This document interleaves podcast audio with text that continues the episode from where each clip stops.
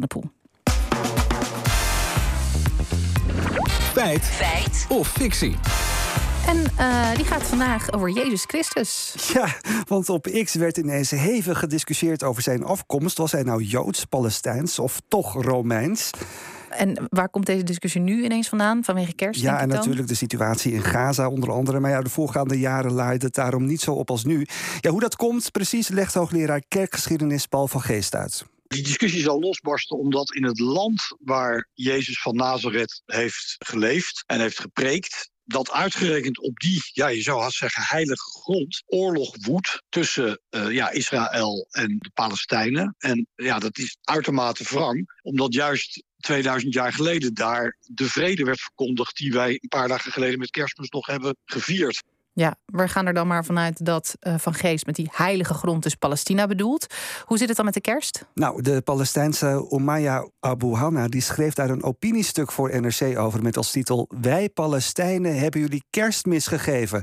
Nou, theoloog Peter Nissen zegt dat dat niet klopt.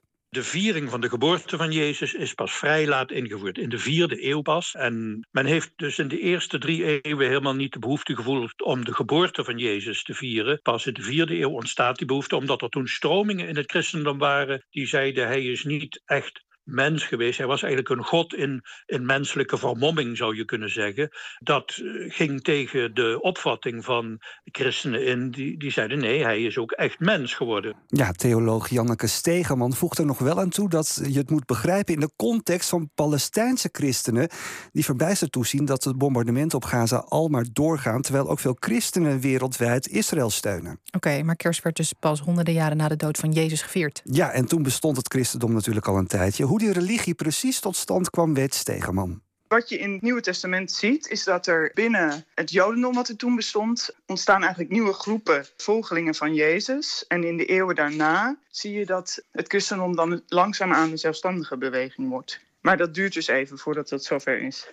Oké, en waarom is het dan zo belangrijk om te weten waar hij vandaan komt? Ja, nou ja, Paul van Geest vergelijkt het een beetje met een uh, ja, stamboomonderzoek. Je wilt gewoon weten waar je vandaan komt, wie je voorouders waren, wie jou ten lange leste dus in enigste opzicht hebben bepaald. En dat geldt ook voor christenen die in het Heilig Land wonen. Het geldt ook voor christenen wereldwijd. Oké. Uh, wordt ook wel eens beweerd dat Jezus Christus nooit heeft geleefd. Zijn er ook wetenschappers die daar bestaan in twijfel trekken?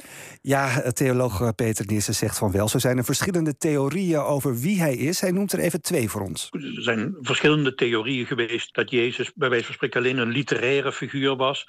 Uh, dat hij ontleend was aan de figuur van Julius Caesar. ook J en C Oké, uh, terug naar de basis, naar wat we checken. Eerst, wat zijn de banden van Jezus met het Jodendom? Ja, dat vroeg we aan Peter Nissen. Jezus is geboren als Jood, is ook gestorven als Jood. Jezus is ook op de achtste dag besneden volgens de Joodse traditie. En toen heeft hij pas de naam Jezus gekregen. Toen hij in het kribje lag, zal ik maar zeggen, had hij eigenlijk nog geen naam. Ja, al dus uh, theoloog Peter Nissen. Uh, wat is zijn band met de Palestijnen dan? Nou, uh, ja, hij is geboren in Bethlehem. En dat was 223 jaar geleden een stad in de Palestijnse landstreek... die toen Judea heette en onder bewind stond van de Romeinen. Er nog? Maar dat het dus Palestijns was, is in die zin dus een feit... voor zover je dat kunt zeggen, omdat er van een land dus geen sprake was. Dus ja, zo simpel als het in je paspoort zetten was het toen niet. Oké, en 2023 jaar, denk ik, toch? 2003, ja, wat zei ik? Ja, ik raak helemaal de tel kwijt met zo'n groot getal. 2023 jaar geleden. Ja, voordat wij zo meteen worden gefactcheckt. Nee. maar goed, als laat was hij Romeins. Ja, dat weet Janneke Stegeman. Dat lijkt me erg vergezocht. Je noemt denk ik sowieso niet alle inwoners van het Romeinse Rijk, wat natuurlijk enorm uitgestrekt was, eh, waar ook stukken van Nederland bij hoorden. Dan noem je die mensen niet allemaal uh, Romeinen. Dus dat waren mensen die onder Romeinse bezetting leefden, maar die dat uh, verder ook niet per se omarmden. Ja, conclusie: Jezus was dus Joods, maar hij was ook Palestijns, maar geen Romein.